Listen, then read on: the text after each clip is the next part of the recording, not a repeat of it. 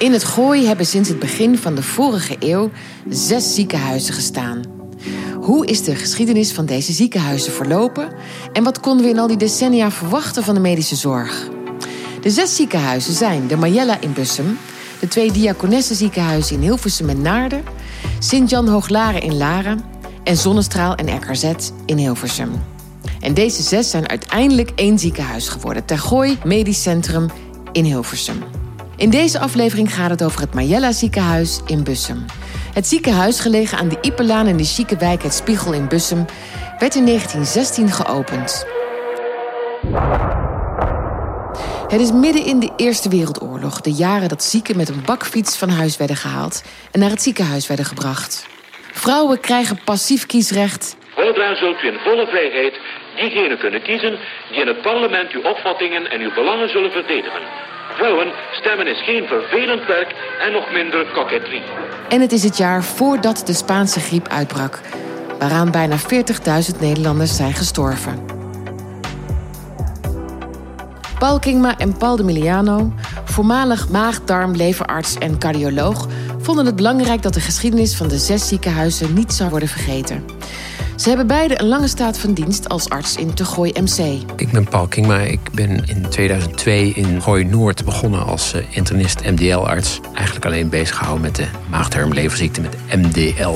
2022 ben ik met pensioen gegaan. Mijn naam is Paul de Meliano, gepensioneerd cardioloog en werkzaam in Tergooi van 1992 tot en met 2021. Wij zijn Marjolein Dekkers. Ik ben de host van deze podcast en Joris Kreugel. Hij gaat met oud-medewerkers praten op de locatie waar het ziekenhuis staat of ooit stond. En in deze aflevering is dat oud-internist Peter Niermeijer. Kom alles te weten over het Majella ziekenhuis in Bussum. Een van de drie katholieke ziekenhuizen in het Gooi. Het initiatief om het nieuwe Majella ziekenhuis te bouwen in Bussum kwam van de lokale pastoor. Hij had het voordeel dat er een katholieke handelsman, Anton Dreesman, bekend van Vroom Dreesman, in zijn parochie woonde. Dreesman leeft voort in de Majella. Maar het was dus in 1910 eerst alleen maar een villa met vier nonnen en een aantal patiënten uit het gooi. Ja, daar moet je niet te veel van voorstellen. Dat was niet echt een ziekenhuis in de zin zoals we zeker niet zoals we dat nu kennen. Uh, er lagen een paar mensen opgenomen die vooral verzorgd werden. In die tijd waren er wel dokters, maar de behandelingsmogelijkheden waren niet erg groot. Pas in 1916, met het instellen van het gebouw Majella, wat vooral geen gasthuis was, maar een ziekenhuis, is, is het echte ziekenhuiswezen ontstaan. Essentieel daarvoor waren dat er een operatiekamer kwam. Kostig door uh, Anton Dreesman. En dat er röntgenfaciliteit kwam. Dat was voor die tijd revolutionair. In de archieven vonden we een anekdote van dokter Bijvoet die vertelt over een zieke mevrouw die op straat werd geholpen in 1913. Deze anekdote is tevens de aanleiding dat er een ziekenhuis kwam in Bussum. De vrouw van hotelhouder Major uit de Rozenboom op de Brink kreeg een ernstige buikbloeding. Goede raad was duur. Want een ziekenhuis ontbrak volledig toen de tijd in eh, Bussum. Ziekenauto's waren in die tijd nog volledig onbekend. Dus de enige oplossing was op dat moment een behandeling ter plaatse in het hotel. Met de hulp van vele handen is dat toen ook gerealiseerd. De kruier van het station heeft op zijn kar de onderzoekstafel... die bij dokter Bijvoet thuis stond opgesteld naar het hotel gebracht. Twee zusters van de ziekenzorg zijn toegesneld met steriele verbandmiddelen. En omdat het een hotel was, was er gelukkig stromend water in overvloed. Bijvoet had gelukkig ook gesteriliseerd fysiologische zoutoplossing beschikbaar. En op de hotelkamer werd de vrouw, de dokter Bijvoet, geopereerd met de hulp van dokter Daalmans als wondassistent en dokter Beierman als narcotiseur. De operatie is behoorlijk goed verlopen. Na een stormachtige genezingsperiode heeft ze het er levend vanaf gebracht. Het feit dat die ingreep had plaatsgevonden in het hotel verspreidde zich als een lopend vuurtje door Bussum en bereikte ook de heer Dreesman. De heer Dreesman die interesseerde zich al langere tijd voor alles wat de Mayella betrof. Zo treurig dat in Bussum geen operatiefaciliteit beschikbaar was, dat die dokter Bijvoet een aanzienlijk bedrag van 600 gulden ter beschikking stelde en in het Mayella ziekenhuis een operatiekamer in te richten. Dreesman was een uh, ernstig uh, overtuigd katholiek. Hij vond dus dat uh, de barmhartigheid een hele grote rol speelde in het leven van de mensen. Moest spelen. Daarom heeft hij op zijn 75ste verjaardag ziekenauto gevraagd aan zijn kinderen als verjaardagscadeau. En die ziekenauto heeft hij dus aan de Majella cadeau gedaan. Daarmee had het Gooi de eerste ziekenauto de eerste ambulance. Daarvoor hadden ze fietsambulances. Maar geen gemotoriseerde ambulances. Mensen werden tevoren met een, op een brancard, op een fiets, een soort kar, aangevoerd naar het ziekenhuis. Het gemotoriseerde verschijnsel ziekenhuisauto verscheen pas in 1925. De ziekenhuizen waren in die tijd voor een deel zelfvoorzienend en hadden mooie grote aangelegde tuinen. Daar werd groente verbouwd, maar Anton Dreesman, de rijke handelsman, had ook nog een ander idee. Dreesman was al een kleurrijk figuur, want het fokte kippen en schonk ook met enige regelmaat kippen aan het ziekenhuis. In 1923 zijn die kippen bij het ziekenhuis Scharrelden vervangen door twee varkens. Waarom? Die varkens konden beter tegen het wat vochtige keukenafval van het ziekenhuis. Waren ook heerlijk om te eten tegen de tijd van de kerst. Dan waren ze vet gemest. In het begin van het bestaan van dit ziekenhuis werkten er vooral nonnen. Zij kwamen uit Limburg, uit Heerlen. Zij reisden met de trein naar Bussum en werden met de auto afgehaald van het station. Daar werden zij naar de Brinklaan gebracht. Daar stond een grote villa waar zij verbleven. Het zijn allemaal onopgeleide mensen. Het zijn religieuzen. En vanuit die optiek hebben ze de werken van barmhartigheid vervuld. In de zin van de zorg voor de zieke medemens.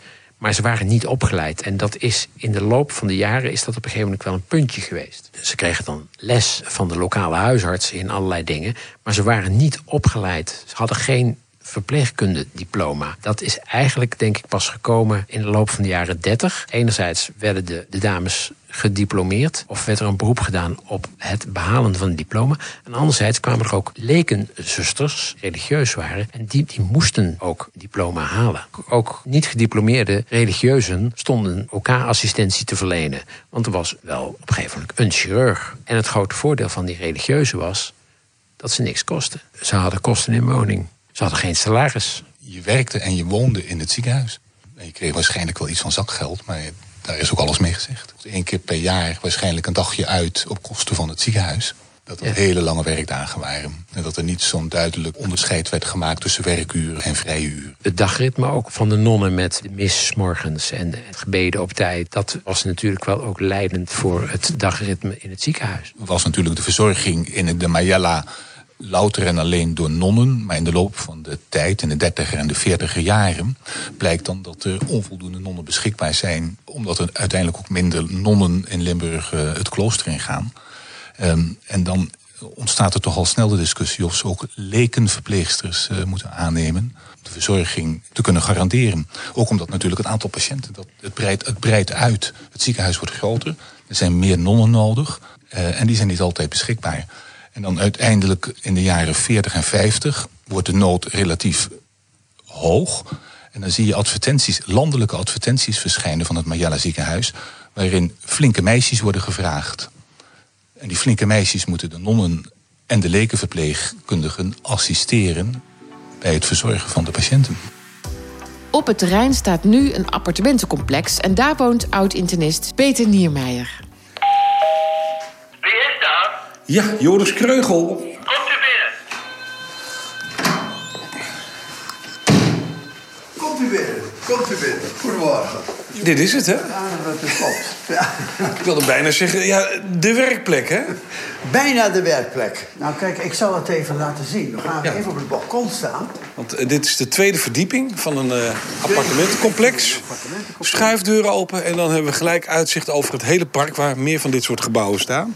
En dan heb je uitzicht op het koepeltje wat bovenop het oude Mayella ziekenhuis stond. Dat gebouw is dus in 1916 geopend. Ik zal straks een foto laten zien. En het stond, waar dat koepeltje nou staat, niet helemaal. Want dat komt ietsje deze kant op en ietsje naar het noorden ook. En daar stond dus zo'n oud gebouw, grote, grote middenvleugel... met natuurlijk allemaal heilige beelden in de hal, prachtig. Ja. En twee vleugels. En het totale terrein is 20.000 vierkante meter. En je kan zien, al die huizen die zijn allemaal gebouwd. Dat is allemaal geprojectontwikkeld, zeg maar. Hè? Dus vier appartementengebouwen en allemaal huizen. En daar ook.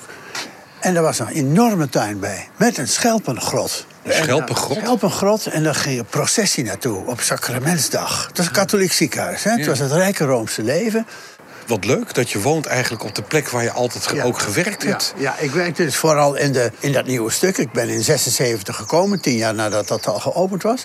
Maar in, dit, in die oudbouw hadden we dus onderin de, het laboratorium en de fysiotherapie. En op de volgende verdieping de bibliotheek en vergaderruimtes. En ook nog steeds een kapel. En ik was niet katholiek, dat gaf niks. Als er dan een feestje was, dan gingen we eerst met elkaar naar de mis. En daarna kon je dus ongestoord feest vieren. Ja. Dan was je geheel van Ja, alles daar af. zijn de katholieken goed in, hè? Daar waren ze prima vieren? Er was ook een uitstekende wijnkelder, kan ik je zeggen. Ik wil wel even naar het kapelletje lopen. En de aannemer heeft dat geschonken. De kerktoren is dat geweest? Oh, ja, min of meer. Het is een klein muziektempeltje, ik weet niet. eh, ja. Ja, je kan er met- klein. kunnen misschien twee violisten staan. Nou ja, een kwartet. Ja, dan kan je er niet kwijt. Kan een kwartet in. Bovenop een kruis. Dat stond natuurlijk wel symbool natuurlijk ook, hè, voor het ziekenhuis. Katholiek ziekenhuis. Katholiek hè? ziekenhuis. Ja, katholiek. En schitterend. Dus op die sacramentsdag vertelde mijn oudste associé Mulkens... Wat is dat, hè? Internist Ja. waren we. En Mulkens is in die begin jaren 50 gekomen als internist. Die vertelde dan wel, dan ging dus de processie naar de Schelpengrot. Zo'n loerdesachtige toestand. Een grot bezet met schelpen. Kon je natuurlijk naartoe wandelen. Maar op die dag was er processie daar naartoe. En dan was er een riante lunch, alleen voor officials natuurlijk. Maar iedereen liep in die processie mee. Maar om nou te voorkomen dat de specialisten die niet bij die lunch horen... zich toch daarbij zouden voegen, liepen daar nonnen aan de kant. En als er dan die afslag kwam, dan werden die specialisten bij de mouw genomen. Niet bij de arm, bij de mouw genomen. En zachtjes de goede kant op geleid. Zodat dus niet iedereen bij die riante lunch terecht kwam. Maar dat heb jij nooit Nee, meegemaakt. dat heb je helemaal niet meegemaakt. Heel merkwaardig is dat. Ik ben in 76 gekomen. En als je de foto's ziet van 1966, van de officiële opening van het nieuwe gebouw... dat zijn allemaal nonnen. Daar is de bisschop bij met een wijwaterkwast en zegeningen en zo. En tien jaar later is daar niets meer van over. Toen ik kwam, was er nog één non in het ziekenhuis, zuster Maria. Die liep in Burger en die zorgde voor de boeken voor de patiënten. En verder geen nonnen meer. Er werd nog wel geklaagd door de verpleegsters over de nonnen. Want, zeiden die verpleegsters, wij werkten hard. En die nonnen, die konden gewoon ertussenuit. Dan gingen ze bidden. Dat trokken ze zich terug. En wij moesten gewoon doorwerken. Zo ging dat. Dat is heel merkwaardig eigenlijk. Die nonnen, weet je, dus dat het ziekenhuis in 1916 geopend werd. Toen was de enige bemanning die nonnen. Ik geloof uit Heerlen. Er was een congregatie nonnen overgeplaatst naar hier. En uiteindelijk is daar een klooster voor gebouwd. Hè, Marienburg, dat staat er nog. De huisdokters legden hun patiënten in het ziekenhuis... waar ze door de nonnen verzorgd werden. Ik- Ik denk dat het voornamelijk tuberculose geweest is. En langzamerhand komen dan specialisten. Maar die komen pas later. Er was ook eh, een toneelvereniging van de verpleging. Ik denk dat je daar nou niet meer om moet komen. Maar dat was dus een jaarlijkse uitvoering. Kijk, met weemoed... eh, wat voor ziekenhuis was het? Het was niet een groot ziekenhuis. Nee, dat is een ziekenhuis met 300 bedden.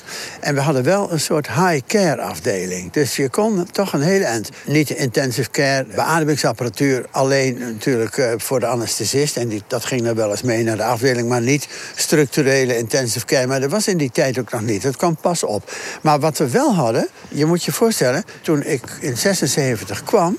Toen was de echografie, wat je dus nou gewoon eh, altijd gebruikte... en bij zwangerschappen nog eens een pret-echo en zo... die techniek, techniek bestond wel, maar dan voor schepen als sonar. Maar in de geneeskunde was die nog niet in gebruik. Hij kwam toen pas in die tijd. Dus die beeldvorming, die was heel beperkt. Er waren eigenlijk alleen maar röntgenfoto's voor beeldvorming. En verder moest je dus alles met het lichamelijk onderzoek en met je denkwerk verrichten. Hè? Maar ik heb ook eens een meneer gehad die mij met beide benen op de grond zette. En daar had ik op tijd eh, de darmkanker ontdekt. Die was geopereerd. Afscheid van hem nemen.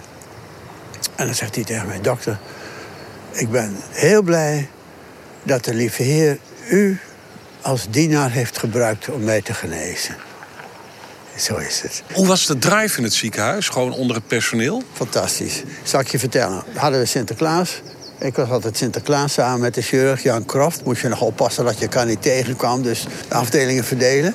Ik zie het ook wel eigenlijk. Als ik zo naar je kijk, vind ja, je hebt geen baard. Je hebt wel iets Sinterklaasachtigs. Nou, ik moet je ook zeggen, ik hoefde ook steeds minder gesminkt te worden. Ik ben al grijzer natuurlijk. Maar dan had dus iedere patiënt was er een cadeautje van het ziekenhuis. Nou, een beetje een ballpoint met opschrift of zoiets. Maar de verpleging had voor iedere patiënt een gedicht gemaakt daarbij. Op die patiënt gericht. Dan kan je nagaan hoe de drive van die mensen van die verpleging was. Ook de patiënt die ochtends nog was opgenomen, daar was toch een gedicht voor. Ja, dat is toch prachtig? Ja. Kijk, het is een klein ziekenhuis, dus je werkt hecht samen. Alle afdelingen, hè? Ook de mevrouw van de opname en de dames van het laboratorium... die natuurlijk ook gewoon dag en nacht beschikbaar waren. En die kenden ze ook allemaal. Ja, hoe was het dan op een gegeven moment in 1990, toen de, Nou, de verhuizing toen eraan kwam? we- ja, dat was natuurlijk een beetje weemoedig. Toen gingen we naar dat mooie nieuwe ziekenhuis. Een prachtig ziekenhuis. Maar was dat Blaricum of Hilversum? Blaricum, nee, eh, Blaricum, hè? Gooi Noord. Oh, ja, maar hoezo zeg je zo, oh, Blaricum, zeg eh, Hilversum. eh, ja, ja, groot verschil. Nou ja, weet ik ook, valt ook wel mee. Maar met een traan weggegaan daar? Nee, want we, we gingen vooruit. Want het werd nog weer mooier. Het Majella was een goed georganiseerd ziekenhuis waar iedereen, katholiek of niet, welkom was. Er waren destijds nog niet veel apparaten zoals nu om het menselijk lichaam te onderzoeken. Het Majella beschikte toen over een röntgenapparaat. Maar dat werd niet alleen gebruikt om longfoto's mee te maken. Maar Jelle had één belangrijke specialisatie. Dat was de röntgenafdeling. Van het oudsher. mooiste en het eh, duurste röntgenapparaat van heel Nederland. Maar röntgen werd ook wel heel veel gebruikt in de begintijd om mensen te behandelen. Name met allerlei huidafwijkingen en allerlei tumoren, ook in het, in het gebied van de neus en de keel, werd er bestraald met röntgenstraling. En vooral voor bij die huidafwijkingen is daar in die tijd eh, is ook wel veel schade aangericht. Het is niet ongevaarlijk. Ook al vroegen de nonnen alleen kosten inwoning, een opname in het ziekenhuis was niet gratis. Er werd een vergoeding vastgesteld per verpleegdag en die verschilde per klasse. Zo vonden we in het archief een kostenoverzicht. En soms, echt niet kon betalen, dan is het het arme bestuur die dan verpleging in het ziekenhuis eh, betaalde. En die verpleegprijs die is vastgesteld aanvankelijk op 5 gulden per dag voor de eerste klas. 3 gulden per dag voor de tweede klas en 1 gulden 25 voor de derde klas. Prijs die is echter exclusief de kosten van de dokter, de verpleegbenodigdheden en de wijn. En voor een fles goede tafelwijn betaalde je 1 gulden en de betere flessen wijn waren 1 gulden 25. Je, je zat bij je eten, dronk je een glaasje wijn. Misschien werd het ook nog wel gezien als deel van het genezingsproces. En uiteindelijk waren tarieven ook wel onderhandelbaar. Moeder Overste verleende korting als iemand echt krab bij kas zat. Maar verleende ook korting aan dokters en familie van personeel in het ziekenhuis. En je hoort dat moeder Overste, chef non, die had het voor het zeggen. Die leidde het ziekenhuis. En de dokters deden hun medische ding, maar het ziekenhuis leiden, dat deed moeder Overste. En dan was er wel een bestuur. En dan had moeder Overste, kwam daar regelmatig eh, toelichting geven. Het was een bestuur van een ziekenhuis. Ik denk dat je dat meer kan vergelijken met wat nu de Raad van Toezicht is. En in dat bestuur, daar zat de pastoor, daar zat de koopman, de upper class van eh, Bussum. Dat was toen wel heel erg gebruikelijk dat moeder Overste het ziekenhuis bestuurde. Je had het kortste lijntje met ons lieve heer, hè? En komt ook in de, de notulen van de bestuursvergaderingen terug. Ja. Dat er aantekeningen zijn dat nonnen zich beklagen over het gedrag van de dokter. De hooghartigheid van de dokter. Ja, dat werd verder niet toegelicht wat, dan, wat die dokter dan had gedaan. Maar dat ging meer de, de hooghartigheid. En nog één aanvulling. Dat dokters natuurlijk... eh, ehm, Ongepast autoritair gedrag werd er al. Dat, zo staat het in de notulen. De dokters waren toen nog zelfstandig en verleenden diensten aan het ziekenhuis. Werden daarvoor betaald. Niet door het ziekenhuis, maar door de patiënt zelf of door het armenbestuur. eh, maar eh, ze waren niet in dienst van het ziekenhuis. Het ziekenhuis kende drie klassen. Een derde, een tweede klasse en de eerste klasse. En die laatste was bedoeld voor de gegoede burgerij. Was ook gelijk de duurste klasse. En dat betekende dat je op een, waarschijnlijk op een eenpersoons, hooguit een tweepersoonskamer lag. En dat je in de algehele verzorging waarschijnlijk veel meer aandacht kreeg dan wanneer je op de derde klas lag. En de derde klas, dat was echt de arme klasse. Op een zaal liggen, In de jaren 30 wordt de invloed van dokters groter. Er komt een medisch directeur, dus het is niet meer alleen moeder Overste die het ziekenhuis bestuurt. Dat is niet autonoom gebeurd. Dat is ook omdat er meer medische ontwikkelingen waren. Waardoor meer medische deskundigheid vereist was. Eh, accent lag steeds meer op de medische deskundigheid. Daaruit voortvloeiend de veronderstelde bestuurlijke deskundigheid. Enkele anekdotes vanuit de bestuursnotulen. In maart 1917 wordt voor het eerst een klacht besproken in de bestuursnotulen. Een patiënt zou volgens familie te weinig eieren en melk gehad hebben om te kunnen herstellen. Niet duidelijk uit de bestuursnotulen is of dit ook tot consequenties heeft geleid. In juni 21 wordt het moederhuis van de nonnen in Heerlen aangesproken op het kunnen leveren van voldoende nonnen. Ze moeten vooral leveren en ze moeten daarbij oppassen dat ze dat niet hun loyaliteit aan te veel andere ziekenhuizen uitleveren. Zoals in die tijd aan Laren, het Sint-Jans ziekenhuis in Laren. Dat werd als concurrerend gevoeld, ook al was het van de katholieke stam. Maar ze werden vooral concurrerend ten aanzien van het werven van nonnen. Dus in juni 22 worden de consequenties besproken van het opheffen van het militair hospitaal in Naarden. In het bestuur van de Mayella was men bang dat de militairen die dan vervolgens in het Mayella verpleegd zouden worden, misschien geslachtsziekte zouden meenemen. In 1926 wordt er in de bestuursnotulen gemeld dat moeder Overste aandringt op een mannelijke verpleegkundige voor de verpleging van mannen. Zo'n mannelijke verpleegkundige, een broeder, zou dan alleen mannen op de afdeling moeten hebben. En alleen op zo'n zaal moeten staan. Dus zonder vrouwelijke verpleegkundige. Want een mannelijke en een vrouwelijke verpleegkundige op één zaal, dat kon niet. De Mayella groeit uit tot een middelgroot modern ziekenhuis in Bussum met 260 bedden. Ze wilden graag een dialysecentrum opzetten, maar dat werd uiteindelijk toegewezen aan het Diakonessenziekenhuis in Hilversum. De groei van het terrein van de Mayella was bereikt. Er waren geen mogelijkheden meer om uit te breiden in de prachtige villa-wijk. Het boeiende van de Mayella is dat er veel mensen zijn die nu nog met weemoed terugkijken naar dat ziekenhuis waar in de optiek van de bevolking ook kwaliteit werd geleverd. Een katholiek karakter had en een gemoedelijkheid had. Dat hadden alle kleine ziekenhuizen. Maar het kwaliteitsaspect van het Mayella is ook door de bevolking denk ik best wel als zodanig ervaren. De Mayella, in de volksmond ook wel Academisch Ziekenhuis Bussum genoemd, groeide uit tot een van de grotere ziekenhuizen van het Gooi met wel 260 bedden. In de noordelijke regio van het Gooi ontstaat in 1973 een fusie uit de drie ziekenhuizen: Mayella, Sint-Jan Hooglaren en Diakonessenhuis Naarden, tot streekziekenhuis Gooi Noord. Het zal nog tot 1978 duren voordat duidelijk is waar het nieuwe fusieziekenhuis gebouwd zal worden en in welke omvang. De Mayella kan enig superioriteitsgevoel niet ontzegd worden in de besprekingen. Dat ging ook wel wat verder dan alleen het feit dat de Mayella het grootste ziekenhuis van de drie was. Vanaf 1973 ontstaat een geleidelijke samenwerking op de werkvloer tussen de drie ziekenhuizen. Maar het zal tot 1990 duren voordat de ziekenhuizen het nieuwe gebouw Gooi Noord aan de Rijkstraatweg kunnen betrekken. Begonnen in 1910 hield de Mayella in 1990 op te bestaan. Deze podcast werd mogelijk gemaakt dankzij financiële bijdrage van de medische staf Tergooi MC, Stichting Vrienden van Tergooi en de Dr. Isaac Wessel Stichting. Met speciale dank aan Peter Niermeijer.